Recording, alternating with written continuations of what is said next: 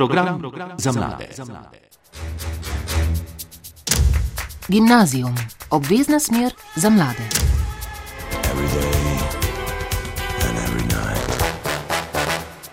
Lep pozdrav vsem poslušalkam in poslušalcem na valovih prvega. Sredin večer je pri nas rezerviran za glasove mladih, ki vam bodo delali družbo vse tja do 21. ure. Z vami sva tonski mojster Robert Markoč in pred mikrofonom Lara Grill. V studiu pa seveda nisem sama. Z mano so tokrat dijak in dijakini Mariborske tretje gimnazije. David Zala in Nika se ukvarjajo z dramsko igro in so del gimnazijskega dramskega krožka.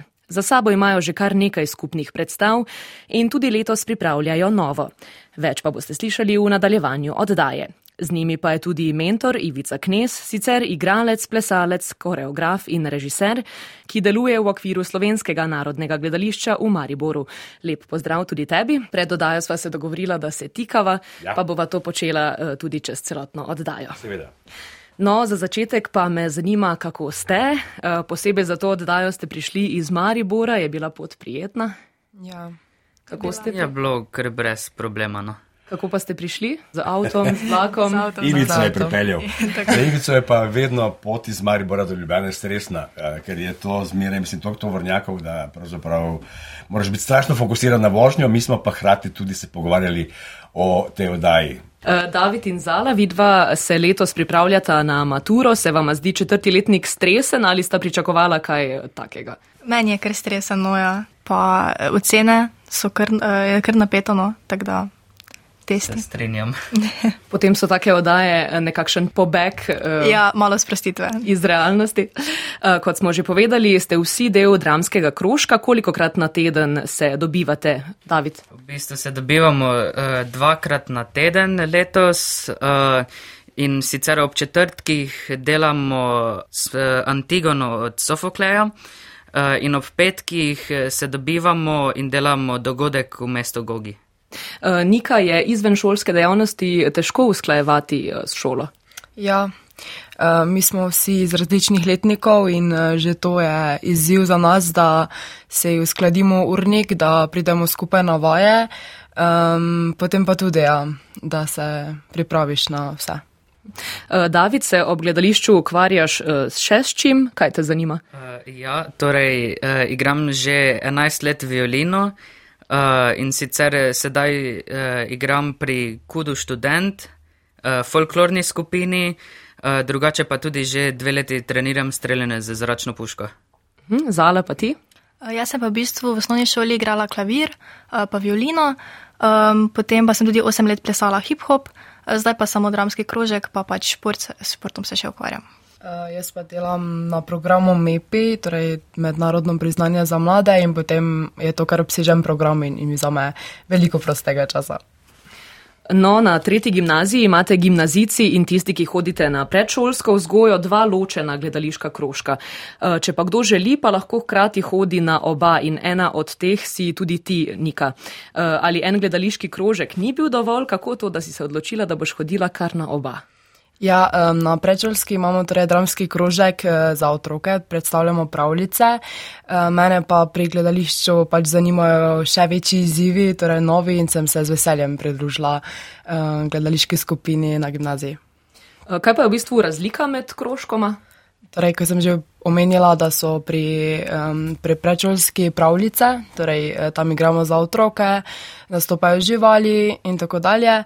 Pri um, naši dramski skupini pa um, so res eh, torej, dela, ki so na maturi in malo bolj resne vaje. Uh, Ivica, koliko časa si že gledališki mentor, koliko časa delaš z otroki? Dobro, tukaj na tretji gimnaziji sem zdaj, se mi zdi, na štiri leta, drugače pa to počnem po razno raznih šolah. Uh, enih že več kot, oh, do, skoraj dobrih 30 let. No. Se pravi, za osnovnošolci, privatne igralske šole. V glavnem sodelujem z tretjo gimnazijo na, na pravi, to predšolsko in gimnazijsko, ker se pravi, delajo se tudi pravlične predstave, delajo se lutkovne, delajo se te dramske in pač kadarkoli me kje kdo povabi, z veseljem se odzovem, ker se pravi, eh, z dolgimi eh, leti izkušenj v gledališču, potem pride čas, ko začutiš, da je to treba deliti z mladimi. in zato je to pač nikoli nisem rekel nekomu, kdo povabil. Kaj pa je recimo razlika uh, med delom z otroki in med delom uh, z odraslimi? Razlika je v tem, da je tukaj tak entuzijazem, ki ga potem eh, enostavno, ta radoželjnost, se pravi, o to um, naredijo vse tako spontano in sproščeno, da, da me to najbolj fascinira. In nikdar nič ni problem. Recimo, jaz sem dosta otroških predstav eh, delal v gledališču in eh, se je zgodilo včasih, da kdo od kolegov po recimo mnogih letih repriz reče, jo ne da se mi več. Ne? Se pravi, ko igraš 15 let eno otroško predstavo uh, in skačeš po drevesu in delaš prevale, potem, ko se malo rečeš, ne da se mi. No, recimo tukaj med mladimi, ko pa delamo, pa tega nikoli ni, ne da se mi, ampak naredimo vse samo zato, da je predstava uspešna in da recimo tisti, ki nas gledajo, da uživajo. No, pa če se zdaj osredotočimo na ustvarjanje gledališke predstave, najprej je seveda treba izbrati besedilo. Kako ga izberete? A ga izberete vi mladi ali mentor? Ponavadi, ker delamo maturitetna, eh, maturitetna dela. Tako da tukaj za maturo eh, se mi s tem ukvarjamo, da tudi eh, četrtim letnikom prilagodimo in olajšamo potem, da bolj razumejo no, delo. Mhm. David, kaj pa sledi potem? Torej, v bistvu naprej pregledamo besedilo nasplošno, recimo knjigo, kaj, o čem se gre, črtamo ven. V bistvu tiste manj pomembne dele, združujemo uh, različne karakterje, zaradi tega, ker imamo bolj malo članov, ne? pa da se vseeno ohrani tista glavna zgodba, kar je pomembno, uh, in potem v bistvu pridejo bralne vajeno. Koliko članov pa je v vaši skupini? Približno? Zdaj mislim, da nas je devet letos. Torej, po bralnih vajah pa se potem pomaknete v prostor. Zdaj, kako se naučiti, da lahko spravite nek lik v življenje zale? Ja, to je najtežja stvar. Ne?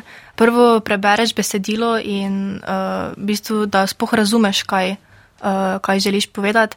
In potem, ko greš v prostor, moraš te besede spremeniti v misel, da veš, kaj poveš. Um, in tudi to, to, tako, da tudi potem publika razume. In to je najtežja stvar. Ne? Potem, ko gremo v prostor, res uh, naredimo da lahko zaigramo to, kar smo želeli povedati. Kdaj pa pridejo na vrsto kostumi, luč in glasba, Nika? Ja, to pride pred predstavo, kakšen teden, dva, s tem se potem ukvarjamo, pa na generalki, pa tako, da potem vse uskladimo. Koliko časa pa nastaja predstava, David? V bistvu začnemo eh, v začetku septembra eh, in imamo potem eh, vsaki teden vaje do kulturnega praznika eh, na proslavi, potem eh, predstavo tudi prikažemo.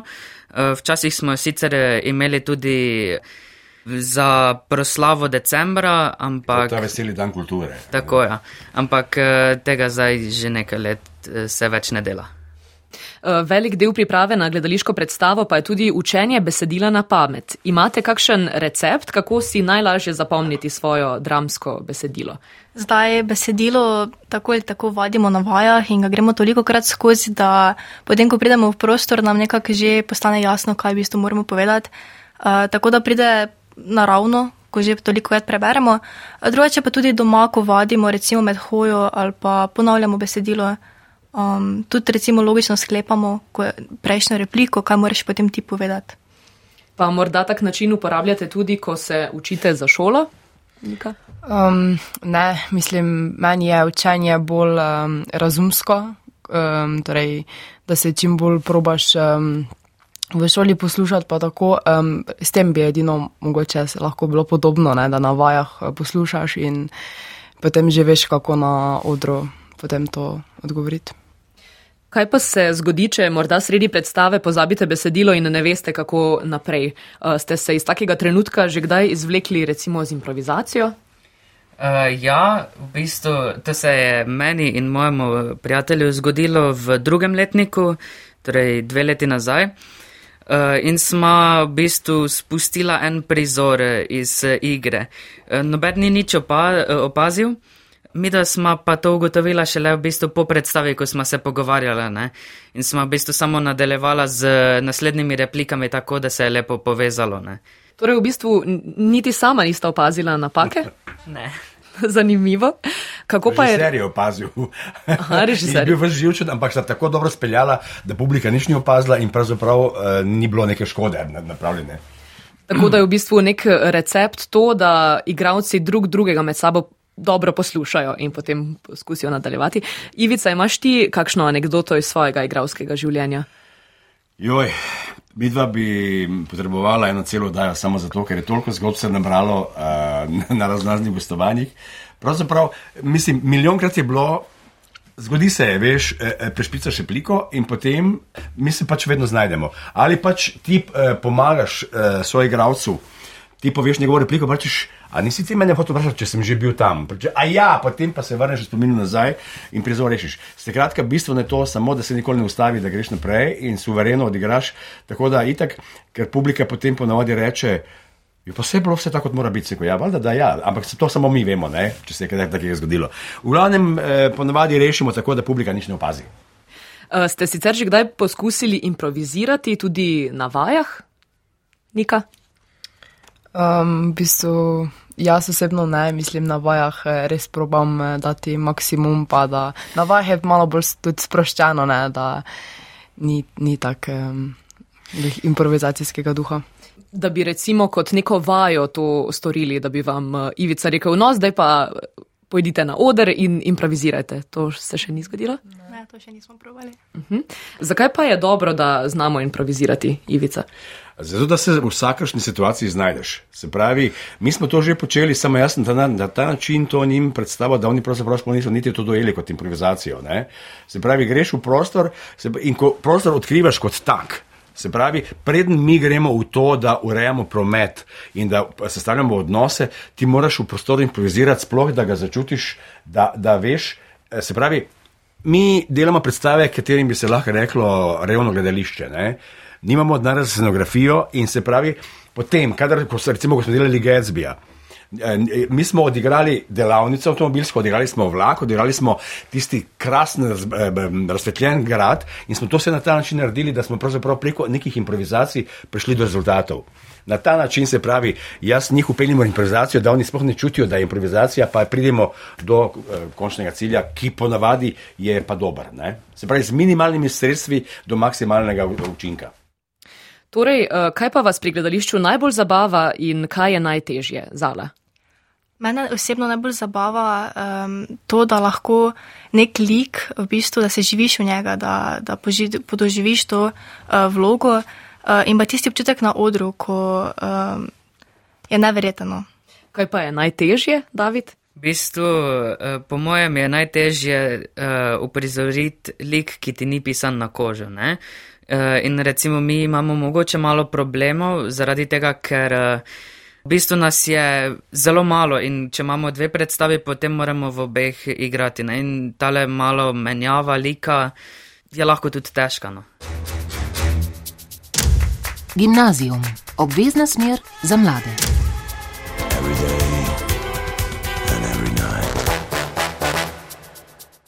Poslušate prvi program Radia Slovenija, sredini večeri so pri nas namenjeni mladim.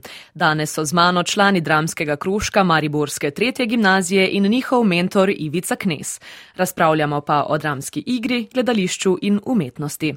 No, skupaj ste odigrali že kar nekaj predstav, letos pa pripravljate, kot smo že prej omenili, Sofoklejovo Antigono. Na tretji gimnaziji vsako leto uprizarjate dela, ki so tudi tekoče maturitetno gradivo, s kakšnim namenom? Eh, zaradi tega, da je v bistvu našim maturantom vsako leto lažje, zaradi tega, ker v bistvu ne, ne preberajo samo knjige, ampak v bistvu prizore vidijo tudi na odru ne? in si zato potem lahko tudi mogoče kaj bolj razumejo, kaj si bolj zapomnijo. In v bistvu zato tudi vsem laže. Ne? Ali boste uprizorili samo odlomek iz zgodbe o Antigoni ali celotno besedilo, Nika? V bistvu bomo prizvali celotno besedilo, ampak ker nas je tako malo, bo pač skrajšana verzija in tudi nekatere like, torej si, ki jih pač jih moramo črtati, si potem drugi like um, imajo tisto, da vse, še vedno ostane bistvo. Torej, nekatere like ste črtali, ste ostalo besedilo kaj spreminjali ali je ostalo originalno? Zala? Ne, besedilo je ostalo originalno, ampak pač res v skrajšani verziji. Pa se vam zdi ta jezik um, zastarel? Mogoče malo, v bistvu to je pač uh, grški tale uh, vers. grški vers, ja. In v bistvu mi temu ostajamo zvesti, tako da se že malo navajamo na to. No. Pa ste imeli kakšne težave z razumevanjem besedila kdaj? Ja, je malo drugače, kot govorimo danes, ampak nam režiser potem to vse razloži in potem izpeljemo tako, da, da nam je tudi lažje. Kakšna pa se vam zdi zgodba, eh, se lahko povežete z njo, Zale? Um, zdaj prav povežemo, mogoče ne, ker vseeno je to bilo izpred tistih časov. Um, je pa zanimivo obratno vse to, kaj se je takrat dogajalo in takrat, kaj so to pisali. Um, ja, no, zdaj pa res, ko to delamo, pa vse probavaš, no. Um, poistovetiti s tem, s tistim likom, uh, da vseeno pač se živiš vlogo in odpelješ to kak, uh, tako, kot moraš. Kaj pa vam je pri zgodbi najbolj všeč in uh, kaj ne? Pri Antigoni mi je nasplošno zanimivo igrati, nasplošno celo igro. Ne? V bistvu mi je cela igra všeč, tako da ne morem reči, da bi kaj bilo nevredno. No.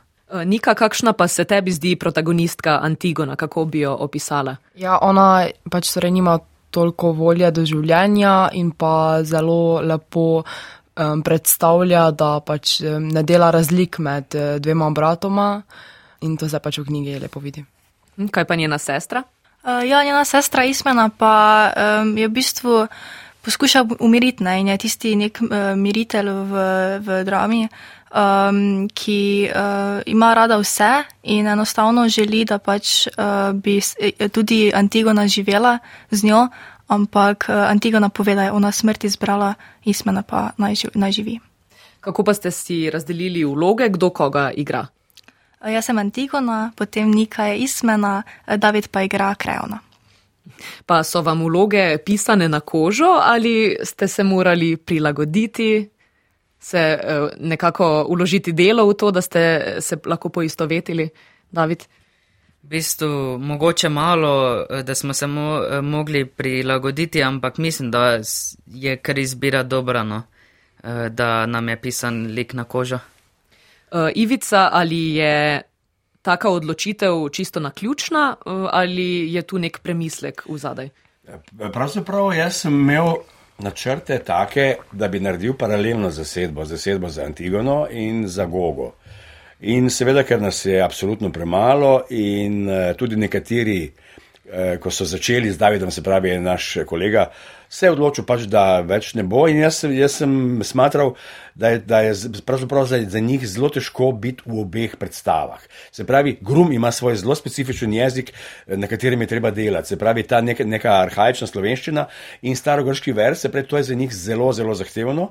In sem rekel, ok, bomo pa delali dve paralelni zasedbi, pa bo veliko lažje. Ampak na koncu se ni šlo in sem potem Davida še dal v Kreona, prvotno sem mislil sam, da bom prelih pri Gogi. In uh, sem vedel, da bo to za njega predstavljalo velik, velik zalogaj. Tudi za ostale. In me je potem David presenetil s svojim angažmajem, s resnim pristopom in se pravi, uh, zelo, zelo dobro eh, pelje Kreona, Preliha pa tudi, ker to sta dva diametralno nasprotna lika. Največ, najbolj hudo je to, ko se nekom dela štiri leta in potem odide.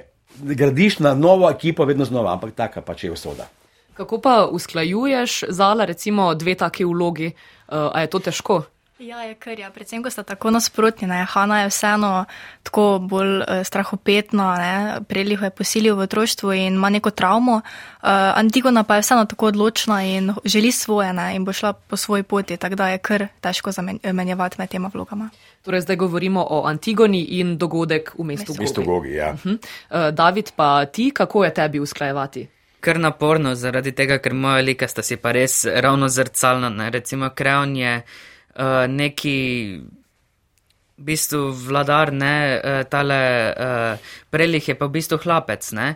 V bistvu tudi v tem se razlikuje ta vlogi, ne, ampak pač gre, no, sem se navadil. Se moraš zavestno, moraš v bistvu zavestno preklopiti med vlogama ali se to zgodi kar naravno? Zdaj v bistvu imam tudi mogoče srečo, da nimamo isti dan istih del ne? in v bistvu potem tudi zaradi tega imam, vmes imam malo časa, da se pri, eh, navadim pa v drugi lik dam. Ne? No, z uprizoritvijo Antigone pa boste nastopili tudi izven meja Slovenije in sicer v Zagrebu v okviru projekta Erasmus. Zakaj točno gre? Uh, ja, v bistvu z Zagrebom smo že sodelovali z njihovo gimnazijo in tudi zdaj bomo na tem projektu v, z Antigonom. Tam bomo preživeli par skupnih dni, kjer bomo ustvarjali in um, v bistvu bomo združili njihovo Antigono in pa uh, našo in bomo naredili dvojezično. Torej, slovensko-hrvaško. Uh, pa ste že drugače kdaj nastopali v tujini? Kakšna izkušnja je bila to za vas, če ste, David?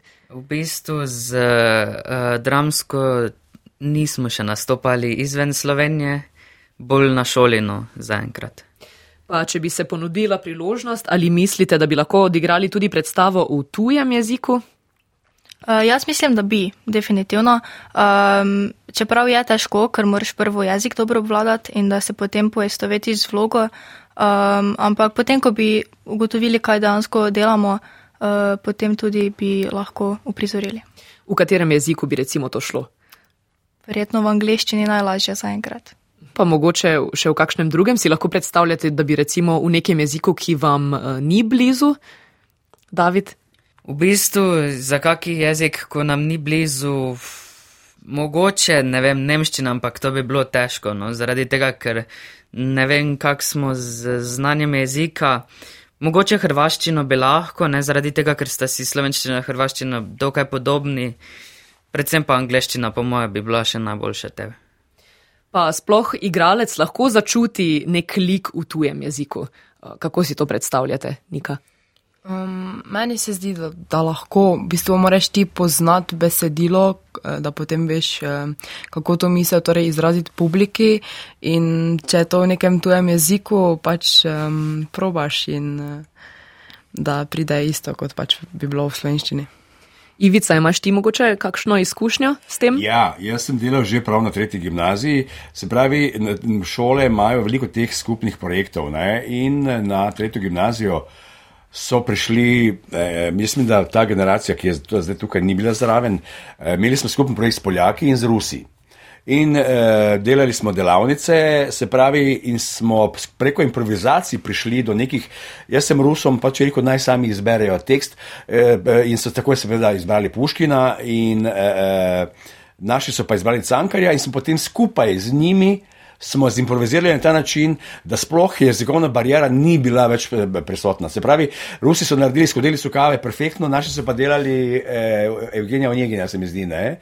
In je krasno izpadlo. Tudi s Poljaki pravzaprav. Se pravi, in tudi ko smo imeli skupne delavnice z, z temi iz Zagreba, eh, smo pravzaprav zelo hitro skozi glasbo, skozi gib, skozi improvizacije našli veliko skupnih točk in smo se imeli krasno in tudi rezultati so bili super.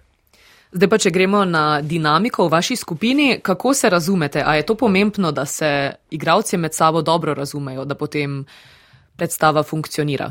Nika.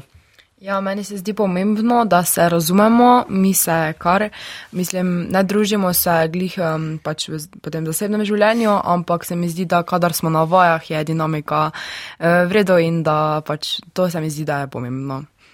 Eh, David, katere predstave pa ste še vi trije eh, pripravljali skupaj?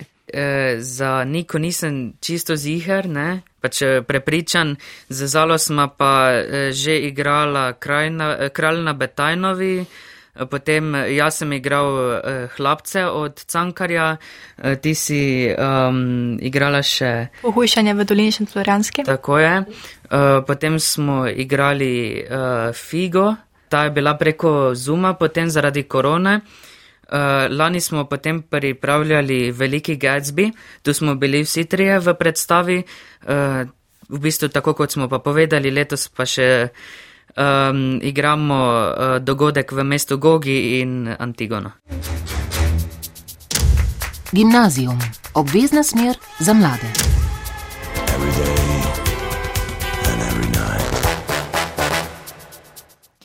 Na prvem danes gostimo mlade dramske igralce z Mariborske tretje gimnazije. E, Nika, kot sem že prej omenila, si del dramskega krožka predšolske vzgoje, letos pa ste pripravljali predstavo Prijatelji držijo skupaj, ki ste si jo domislili kar sami. E, kakšen je bil ustvarjalni proces, kdo je napisal besedilo in kako ste si domislili like?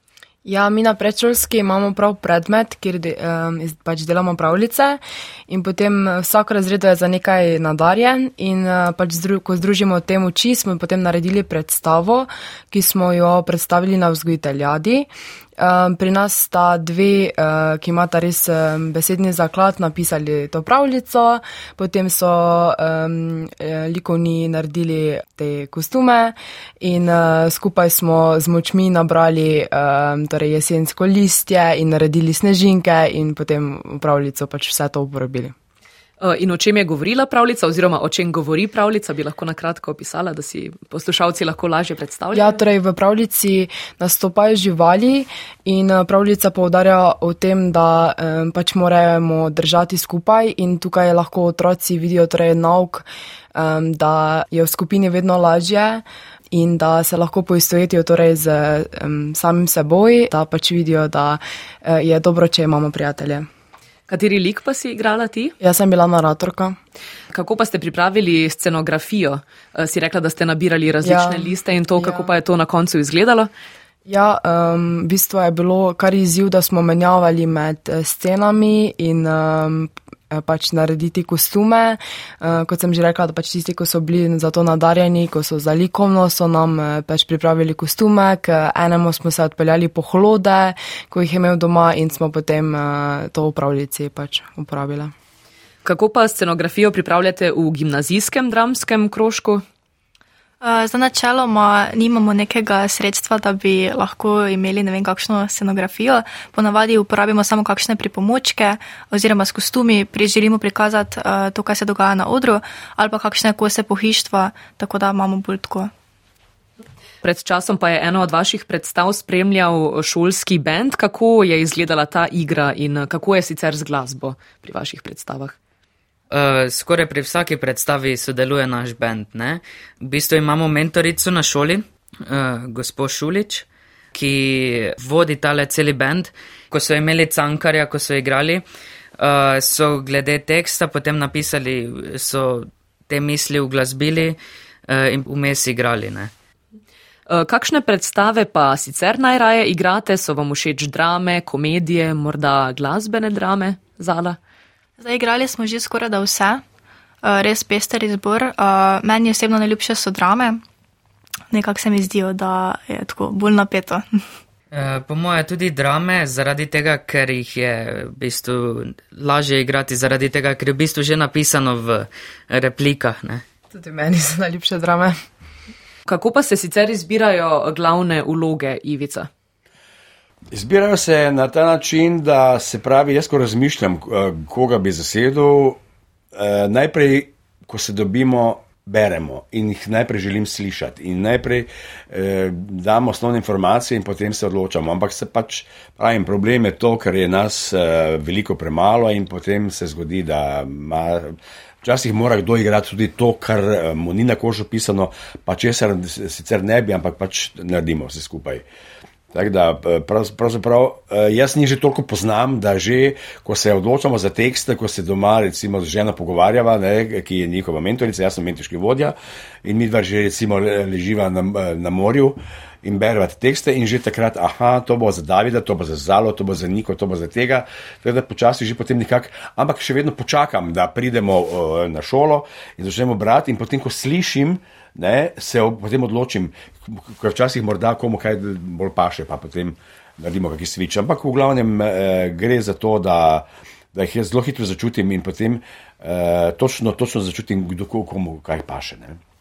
Ustvarjali ste tudi v času zaprtja zaradi COVID-a in ste pripravljali predstavo Figa po zelo uspešnem romanu Gorana Vojnoviča, ki je vsebinsko precej težek, saj se med drugim ukvarja samomorom, demenco in smrtjo. Ivica si predstavo izbral v skladu s takratnim dogajanjem po svetu, ko smo se ljudje obračali sami vase, se soočali s svojimi strahovi in podrobneje spoznavali svoje družine ali zaradi česa drugega. Ja, mislim, Figa je bila tudi na maturi, ne? Skratka, prišla je ta korona in ta depresivna faza, in smo potem nekako se mi odločili, ne, ne bomo nehali, dajmo delati. In smo uporabili pač to možnost preko Zuma.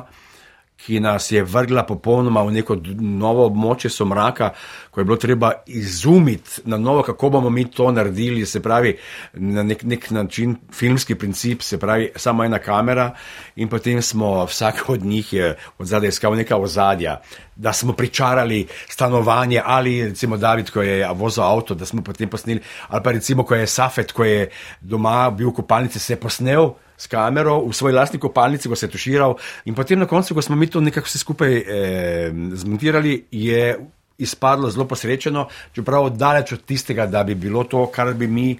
Če bi lahko odigrali v živo. Ne? Ampak vseeno je bil izziv, in na koncu pa je nekaj ratalo. No? Kako pa so se vam zdele vaje prek Zuma? Eh, kar zanimivo. No. Uh, je nek vseeno drugačen način delanja in uh, smo mogli v bistvu urediti vse, glede kamere, glede zvoka, tehnične težave. Je čisto drugače, ko sediš ti pri mizi z računalnikom in probaš nek lik uprizoriti, kot pa v prostoru. Kaj pa je bilo recimo najtežje, kaj je bil največji izziv, David? Sama predstava je bila na Zoomu in smo se mogli temu prilagoditi na splošno. Eh, smo se potem dobro znašli, recimo eh, za različne prizore smo eh, različna ozadja uporabili. Mogoče je bil kakšen problem, da kakšen računalnik je bil malo mogoče preslab in ozadja niso delala tako, kot bi, tako, kot bi mogla. Smo pa zelo dobro izpeljali s tem, kar smo imeli dano. No. Vam je bilo všeč, da ste na ta način se vseeno dobivali, da vam je nekako presekalo ta vsakdan COVID-ni? Ja, jaz se prav spomnim, um, tisti dnevi so mi bili najlepši v COVID času, ker smo vseeno se lahko ukvarjali torej s tem, kar pač imamo radi in smo se srečali z dramsko skupino in ustvarjali skupaj. Uh, zdaj pa se bomo vrnili nekoliko v preteklost in morda celo vaše otroštvo, pa me zanima, kdaj ste se prvič srečali z igro in gledališčem kot gledalci. Zala. Uh, jaz, v bistvu, kot gledalka, sem se srečala prvič tam nekje v sedmem, osmem razredu, ko smo z osnovno šolo šli v gledališče gledati predstavo gledališče od A do Ž. In tam se spomnim, da sem sedela v galeriji na najvišje in sem videla celo zaodrje na odru. E, mi je bilo to zelo fantastično in sem potem začela hoditi redno v gledališče uh, in tako se prvič spoznala z igro. V bistvu jaz se to bolj slabo spomnim, ampak sem pa v vrtu sodeloval v eni taki predstavi, no tega se spomnim. Uh, tako da sem se tako srečal prvič. Potem smo pa za šolo hodili. Že kot igralec si takrat sodeloval? Ja. Mhm. Pa Nika? Ja, jaz se pa spomnim, smo šli z vrtcem v Maribor na predstavo Ludkovno, e, smo gledali e, um, Muri v Afriki in uh, mi je že takrat, mislim, igrale, igralca sem si zapomnila in uh, mislim, všeč mi je bila predstava. Eh, kdaj ste pa prvič stopili pred gledalce, s katero igro? Zdaj, uh, David, ti si že povedal, Zale? Jaz pa v prvem letniku srednje šole z cankarjem v dramo Pohujšanje dolinične Florianske. Uh mhm, -huh. Nika? Uh, jaz pa v sedmem razredu osnovne šole z takratno osnovnošolsko skupino. Imate morda svojo najljubšo gledališko predstavo in zakaj ravno to? Uh, jaz bi zdaj zaenkrat rekla nekaj od Cankarja ali pa mogoče ta Antigona, mi je zelo všeč. Meni pa je bil uh, lanski Gatsby. Po mojem bi tudi jaz rekel, da je Gatsby bil najboljši zaradi tega, ker smo zelo dobro iz, eh, izvedli. No. Kaj pa so kvalitete dobrega igralca? Je to dobra kontrola telesa, izraz čustev ali kaj čisto drugega? Jaz mislim, da vse. Uh, igralec mora vseeno dobro izražati čustva, da, uh, da misel, ki jo želi povedati, pride ven in da publika to začuti. Um, pa tudi kontrola telesa, no, da zna tisto mimiko obraza vredo uporabljati. Na kaj pa ste najbolj pozorni, ko gledate predstavo? So to igravci, scenografija, glasba, luči, kostumi? Um, jaz sem najbolj pozorna na igravce, na besede, na gibe in uh, potem vedno razmišljam, uh, kak, um, če kaj res um, izpeljajo zelo dobro, uh, koliko vaj je za to potrebno in občudujem predstavo. Kako pa je z besedilom, a ga pozorno poslušate ali ste bolj pozorni na fizične prvine predstave? Ker na oboje zaradi tega, ker samo z vsem skupaj plus z glasbo lahko ti celo predstavo doživiš tako, kot je v bistvu bilo mišljeno in lahko uh, ujameš bistvo. Uh, Nika, kako pomembna pa je interpretacija besedila? Na kakšen način se igralec nauči uh, sploh interpretirati besedilo? A delate to s kakimi vajami ali to pride čisto spontano? Ja, z vajami, veliko vaj, tudi pač razločnostjo na vajah, um, res z veliko truda in um, pač vsega je to vloženo. Kako pa postanemo dober igralec? Se lahko tega sploh priučimo ali je to odvisno od talenta? Uh, ne, definitivno uh, ni vse talent. Uh, trdi trud je kar uh, veliko delano, je, je potrebnega za to. Um, vseeno pa mislim, da tam, kjer je volja, je pot. Če želimo nekaj ustvariti, bomo se za to potrudili. Uh, Ivica, kakšni bi bili tukaj odstotki, če se lahko pogovarjamo o tem? Ja, to govorijo že stari mojstri, od katerih sem se jaz učil, se pravi, to so same igralske legende. Uh, ki so vedno govorile, da 10 odstotkov je talenta, 90 odstotkov pa je trdega dela in garanja, odrekanja, švicanja, se pravi, krizno in solze. E, to je gledališče. Se pravi, in to jaz njim govorim že od prvega dne, da se pravi, e, tisti talent je res osnova, ampak. Uh, preko trdega dela ne prideš do rezultata. In to seveda potem oni spremejo. Jaz vsakemu razmere rečem, uh, tukaj smo zato, ker imamo to radi. In tukaj smo zato, ker smo pripravljeni na to, da bomo ugriznili v kislo jabolko, da bomo skočili na glavo v mrzlo vodo in zaplavali. In eh, nišče še ni šel, pa bi se tega ustrašil. Ne? Tako da enostavno to pač, to vzameš v zakup, sprejmeš že v štartu in eh, na ta način potem pridemo do nekih rezultatov. Eh, David, se je tebi že kdaj zgodilo, da si bil utrujen od igre, od gledališča um, in da bi najraje kar odnehal? V bistvu niti ne, no, zaradi tega, ker tudi vaje niso predolge, ne so nekako v tem časovnem okvirju, da je v bistvu da je še vedno dobro no, za vse. Tako da je fajn. Da lahko recimo kombiniraš to, kar moraš delati za šolo, pa Tako. potem še sproščeno na vaje. Kako pa se spopadate s tremo, ko stopite na oder, eh, a imate sploh tremo? Ja, definitivno trema prisotna. Uh, sploh tisti prvi trenutek, ko stopiš na oder, potem pa vidiš vse tiste luči, pa publiko. Uh, ampak se mi zdi, da potem, ko začneš igrati, pa res se zavedaš tega, da okay, sem pa tu, pa bom to naredil, pa potem treba, trema zgine. Ja, res um, je občutna razlika med vajami in potem, ko pride publika. In uh, takrat si samo rečem, daj vse od sebe, to je tvoj moment, uživaj. In potem, tako kot je povedala Zala, ko se ujameš velike in z ostalimi soigravci, in potem samo uživaš. David, kako pa ti sebe pomiriš? Uh, v bistvu jaz sem treme že nekako navajen, zaradi tega, ker sem že dlje časa glasbenik in imam tudi od tega izkušnje od nastopov. Ampak v bistvu uh, načeloma se pa pomirim na takšen način, da si rečem, se smo to dosti, dosti vadili, sej znam. Uh, pa potem, ko pridem na oder, zelo hitro trema v bistvu uh, izgine zaradi tega, ker sem prepričan v samega sebe. Pa je dobro, da imamo tremo ali bi bilo v redu, da je sploh ne bi imeli nikar? Ja, meni se zdi, da vsaka trema je prisotna, če, mislim, je dobra, če je v mejah normale. Um, drugače pa meni se zdi, da še nisem slišala od koga, da bi rekel, danes pa nisem imel nobene treme in um, meni se zdi, da vseeno je življenje tako nepredvidljivo, da pač pred nastopi je logično, da je prisotna majhna trema. Ivica, kaj pa bi ti rekel, a je trema v redu? Ma, mislim, tista nekako bi rekel kreativna trema, to se pravi ta občutek odgovornosti, ta občutek, uh, aha, zdaj je ok. Jaz zmeraj njim govorim, uh, veste, zakaj gre, dovolj smo vadili, se pravi, uh, dajmo se lepo umiriti, pejmo malo vase.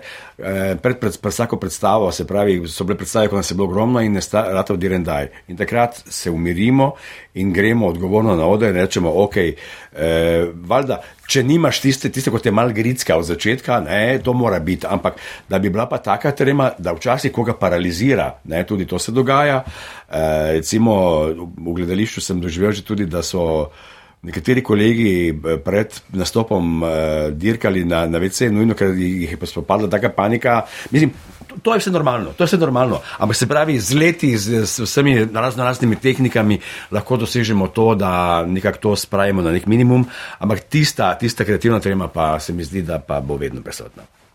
Eh, zdaj oddaja se počasi bliža koncu, pa me zanima še tole. Si predstavljate, da boste z dramsko igro še nadaljevali? Se morda v tem vidite tudi profesionalno, Zala? Uh, jaz načeloma ne, mi vseeno igra uh, in to ustvarjalnost predstavlja nek hobi, um, ampak v študijskih letih pa bi še mogoče znala to nadaljevati. Ja. Ja, jaz se zelo vidim v tem. Um, meni se zdi, da mi to res predstavlja veselje v življenju kot neka točka v dnevu in rečejo, da za službo si moraš izbrati to, kar ti ni težko početi in to je definitivno igranje in uh, z veseljem bi se s tem ukvarjala. A David? Uh, v bistvu se v tem ne vidim ravno, da bi nadaljeval kot profesionalno, ampak mogoče tukaj kakšni hobi ali pa potem naprej, v, da bi za zabavo to potem mogoče ja. Uh, Ivica, kaj pa so lepote in težave igralskega poklica? Kaj bi mladim, ki imajo takšne ambicije, svetoval, preden se podajo v to? Pravzaprav uh, spomnim se nekega komada od vlada Kreslina, ko je rekel, da ga je uh, tako mislim, šlo za cirkus, ne se pravi tudi del gledališča. Tudi jaz, ko sem, ko sem bil v zgodnji mladosti, eh, sem, eh, ker sem znal nemško, sem delal v cirkusu ne, in takrat me je to zacumpralo. Se pravi, in cirkus me je pripeljal do gledališča, ker takrat sem začutil uh, to magijo, ki se zgodi uh, med tistimi, ki so na odru in med publiko. Se pravi, to, to te res začara, te. te Zajame za celo življenje in preprosto, ko te to enkrat zagrabi, se temu ne moreš upreti. Če to začutiš, da te je gledališče začaralo, potem boš sledil temu do konca. Če te pa ni začaralo dovolj dobro, potem boš pa ostal eh, do konca življenja eh, poklicni ljubitelj gledališča. Se pravi, jaz sem pripričan, da vsi ti eh, ljudje, s katerimi delam, da bodo celo življenje hodili v gledališče, tudi če ne bodo igravci. In to se mi zdi, da na nek način je že tudi dovolj. Se pravi, če nisi poklicni gledališčnik, boš poklicni ljubitelj gledališča. Pa še mogoče tole, kaj vam pomenita igra in umetnost? Torej, meni umetnost na splošno kar veliko pomeni, glede na to, da sem glasbenik. V bistvu igram je pa za zabavo, no. Uh, se zabavam pri dramski, pri ostalih nastopih, tako da v bistvu to. No. Uh, meni igra pomeni neko izražanje čustev, da recimo, če imaš slab dan, prideš na dramsko in lahko se razživiš. Uh, umetnost pa, mislim, potrebno je kreirati življenje, ne, da smo ustvarjalni pa da kritično razmišljamo. Ja, jaz bi umetnost pojmenovala kot nek mislim, čudež v življenju, tak, ko se lahko vsak izraža s tem uh, in pa potem tudi to v igri se lahko predstavi in vidi. Eh, David, Zala, Nika in Ivica, najlepša hvala, da ste bili danes z mano. Poslušalci pa boste lahko oddaji k malu prisluhnili tudi v našem arhivu RTV 4D in na spletni strani prvega. Glasbo za današnji gimnazijum je izbral Andrej Prezel, da se dobro slišimo, je poskrbel Robert Markoč, pred mikrofonom pa sem bila Lara Grill. Najlepša hvala za pozornost in prijeten večer v družbi prvega še naprej. Gimnazijum. Obvezna smer za mlade.